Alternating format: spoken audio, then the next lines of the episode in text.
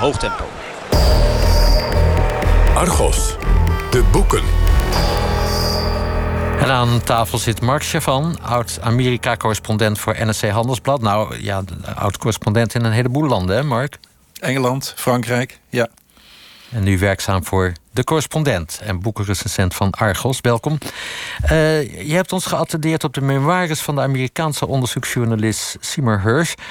Begin deze maand verschenen in Amerika. Het boek heet Reporter, een memoir. Hij is 81 Hersh en maakt in het boek de balans op van zijn journalistieke carrière. Om het geheugen, althans mijn geheugen, even op te frissen. Wie is die legendarische Seymour Hersh? Seymour Hersh is een van de kanonnen van de Amerikaanse onderzoeksjournalistiek. Die, zoals het bij het, het type journalist hoort...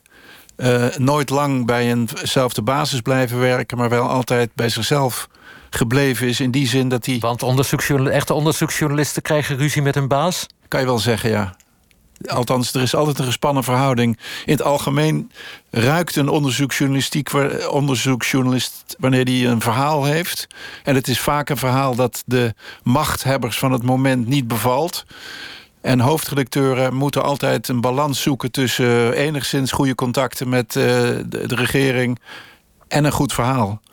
En daar, eh, hij is dus zowel bij de New York Times als bij de Washington Post als bij de New Yorker. Ontslagen. Uh, en bevriend geweest en ontslagen of weggelopen. Wat zijn zijn grote scoops? nou ja, hij heeft een hele periode in de geschiedenis overbrugd.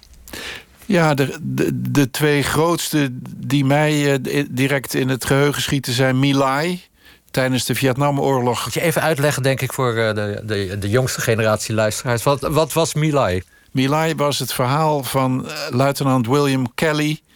die met zijn collega's een dorp, Milai, binnentrok en daar de hele bevolking heeft uh, doodgeschoten. Ja. En het was totaal onnodig. Uh, het was een interessant moment in de Vietnamoorlog die toen nog uh, doorging. Die was natuurlijk begonnen onder president Kennedy, doorgezet onder president Johnson... die hem na de moord in Dallas opvolgde... en daarna doorgezet door president Nixon... die gekozen was als republikeins president... met de belofte dat hij de oorlog netjes zou beëindigen. Um, en zijn grote veiligheidsadviseur Henry Kissinger... was een, een vriend en een vijand van Seymour Hersh. Um, het verhaal van Milai was uiteindelijk een keerpunt in de Vietnamoorlog... omdat hij duidelijk maakte dat het Amerikaanse leger... ook ongewapende dorpelingen gewoon bij bosjes neerschoot. Zich aan oorlogsmisdaden schuldig maakte eigenlijk. Ja. En het interessante was dat uh, door de, de krijgsmacht niet alleen uh, uiteindelijk niet ontkend werd... maar zelfs zelf vervolgd werd. Maar dat wilden ze in stilte doen. En uh, het is een fantastisch hoofdstuk in dit boek... waarin uh, Hirsch uitlegt hoe hij die Kelly uiteindelijk gevonden heeft... en aan het praten echt van deur tot deur te gaan, hè? Hij is op de basis Fort Benning is die van deur tot deur gegaan... en heeft uiteindelijk de man gevonden en hem zijn verhaal laten vertellen. En zijn advocaat, die een, een, rare oude jurist was... het allemaal in detail laten controleren en bevestigen. En het toch met veel moeite gepubliceerd gekregen. Want een heleboel bladen wilden het niet hebben, het nee. verhaal. De grote kranten niet, de grote tijdschriften. New York Times niet. Uh... De Look uh, Live, toen nog beroemde gefotografeerde en geschreven tijdschriften... wilde het allemaal niet, durfde het niet. Uiteindelijk heeft hij het via een collega die een heel klein soort persbureautje dreef... heeft hij kans gezien het uh, de wereld in te krijgen. En het heeft die oorlog echt veranderd. En hij heeft er wel de Pulitzer Prize voor gewonnen. Ja. We, maken een enorme sprong in de tijd, want de, de, man is een halve eeuw actief geweest in de onderzoeksjournalistiek. Abu Ghraib, wat was dat ook alweer? Dat was het verhaal in de Irak-oorlog die door president George W. Bush werd gevoerd uh, begin deze eeuw. Uh, Abu Ghraib was het ongelooflijke verhaal van een geheime gevangenis in Irak, waar de CIA mensonterende methodes toepaste uh, verkrachting, uh, seksueel misbruik op alle mogelijke manieren. Uh, onder water houden, honden op mensen afsturen. Om, om, om getuigen in die gevangenis te laten bekennen en anderen te laten verraden. Um, en dat heeft Hirsch met alle mogelijke middelen en moeten onthullen. En opnieuw de grootste moeite gehad om het gepubliceerd te krijgen... omdat de meeste klassieke media het weer niet aandurfden. En waar is het uiteindelijk gepubliceerd, Abu Ghraib? Het is uiteindelijk in de New Yorker gepubliceerd en tegelijkertijd door CBS News, die het eerst niet durfde, want hun commerciële eigenaren waren als de dood. Maar toen het eenmaal ging komen, wilde CBS gauw de credits ervoor uh, opeisen. Mark, denk even na over de rest van het gesprek, want we gaan weer even naar Moskou, naar Richard van der Made. Ruststand 3-1 in het voordeel van België.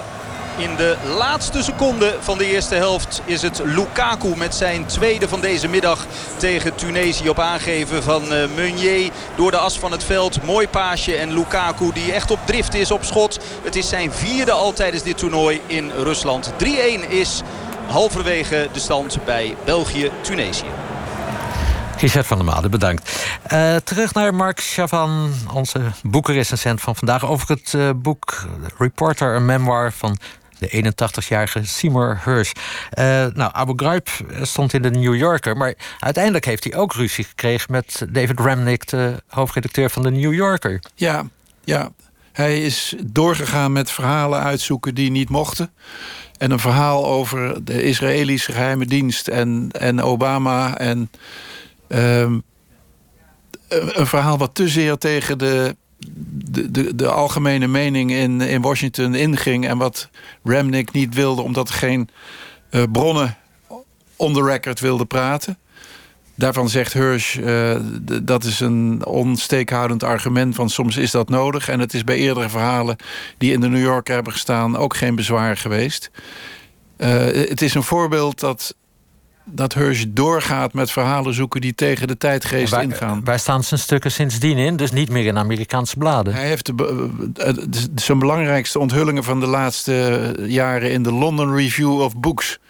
De, de Engelse tegenhanger van de New York Review of Books, die hem ook in sommige periodes uit de brand heeft geholpen. Hij is een Amerikaanse onderzoeksjournalist eh, in ballingschap eigenlijk nu. In ballingschap in Amerika, ja. Um, nou, is er ook wel kritiek op hem mogelijk, denk ik. Uh, zo uh, is een verwijt dat hij aan complottheorieën leidt. Een ander verwijt is dat hij uh, heel veel anonieme bronnen gebruikt. En een derde verwijt is dat hij heeft samengespand met president Assad van Syrië. Ja, dat vind ik een heel opvallend punt. Je, je kan zeggen, een onderzoeksjournalist moet geen voor- of uh, tegengevoelens hebben. Moet iedereen spreken die die nodig heeft. Uh, zolang dat zeg maar, bronnen binnen de eigen regering of de eigen geheime dienst zijn, vindt iedereen dat uh, uh, knap en nuttig. Op het moment dat je regelmatig welkom bent bij de, een van de verschrikkelijkste leiders van de, de huidige tijd, Assad van Syrië. Uh, gaan je haren toch de bergen reizen. Ook al vertelt hij je dingen die later keer op keer blijken te hebben geklopt je kan natuurlijk dingen die mensen je beweren... kan je natuurlijk op den duur controleren. Soms snel en soms na jaren krijg je documenten... of andere overtuigende getuigenissen. Maar verdedig jij dat hij bij Assad over de vloer kwam... of, of neem je het hem kwalijk? Ik vind het een gigantisch dilemma. Ik verdedig dat hij iedereen spreekt. Als hij nu Poetin... Ja, maar als je moet kiezen. Zo werkt het niet, meneer Van Wezen. Nou, zo werkt het op de radio wel, meneer Chavan. Ja, maar niet in Argos, denk ik. Nee, het is een groot dilemma en ik vind dat hij er onvoldoende uh, op reflecteert in dit boek. Als het nou ergens had gekund, als hij had kunnen zeggen... wat hij me toen en toen heeft verteld klopte. Wat hij me toen en toen heeft verteld klopte niet. En het is een oplichter en het is een massamoordenaar.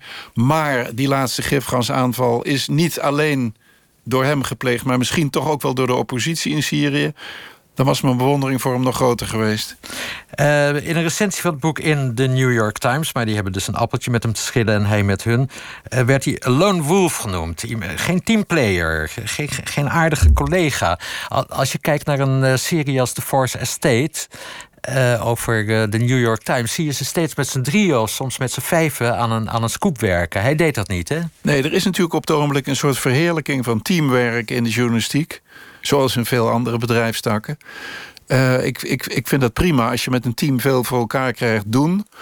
Maar om dat eigenlijk als een soort impliciet verwijt te zien... dat die man een solist is. Heel veel grote onderzoeksjournalisten zijn totale loners. En we zijn ze dankbaar dat ze dingen hebben onthuld... die uh, voor, volgens de leiders geheim moesten blijven. Dus ik vind het, een, ik vind het een, een, een glibberig verwijt van de New York Times... aan het adres van Hirsch. En, en niet gesubstantieerd. prima als je in teams dingen onthult. Watergate is een team van twee geweest. Ook prima. Je kan elkaar bemoedigen, want er zijn veel tegenslagen. Hirsch is een rare vogel die zichzelf iedere keer weer op de weg houdt. Hij zelf geeft de huidige journalistieker in zijn inleiding op het boek behoorlijk van langs. Hij zegt: Ik kom nog uit de gouden jaren van de journalistiek. Toen uh, ja, niets te veel was om onderzoek te doen. Het mocht veel kosten, je mocht veel reizen. Je kreeg een creditcard van de baas mee. Ja, nu wordt dat vak geplaagd door bezuinigingen, reorganisaties. Uh, journalisten, zegt hij ook, geven liever een gemakzuchtig commentaartje op de tv dan, dan aan echt onderzoek te doen. Heeft hij, heeft hij daar een punt? Mm. Ik vind dat niet zijn sterkste punt. Hij heeft, zoals veel onderzoeksjournalisten, een voortdurende behoefte om zichzelf te bewijzen en enigszins af te zetten tegen zijn tijdgenoten. Hij is eerlijk genoeg om te zeggen dat in de Vietnamtijd David Halberstam en een aantal andere, Harrison Salisbury, grote Amerikaanse journalisten, wel degelijk ook echt heel belangrijk spitwerk hebben gedaan om die oorlog uh, te onthullen in zijn ware gedaante. Maar hij zet zich toch voortdurend af. Je kan natuurlijk zeggen, de New York Times is nu gedwongen door Trump en door de beschuldigingen van fake news, is de New York Times opnieuw aan een enorme goede periode bezig, waarin ze keer op keer de, ware feiten onthullen tegen het verwijt van uh, oplichting. Dus ik vind dat niet zijn sterkste kant. Hij zou meer op zichzelf kunnen reflecteren en iets eerlijker credit geven aan collega's die echt even fundamenteel werk doen. Maar wel een groot man als journalist. Maar het is een ongelofelijke kei en een kanon. Dankjewel, Mark Chavan. Hij las en besprak Reporter, een memoir van Seymour M. Hirsch... verschenen bij de Amerikaanse uitgeverij Ellen Lane. Nog niet vertaald in het Nederlands, maar dat komt vast wel. Volgende week de laatste Argos van dit seizoen... met deel 2 van De Moord op Patrick. Verslaggever Sanne Boer dook in de geschiedenis van een al jaren onopgeloste moord. En straks Radar, het consumentenprogramma van Afrotros. En dat gaat onder meer over vakantiegarant. Ik wens u een goed weekend.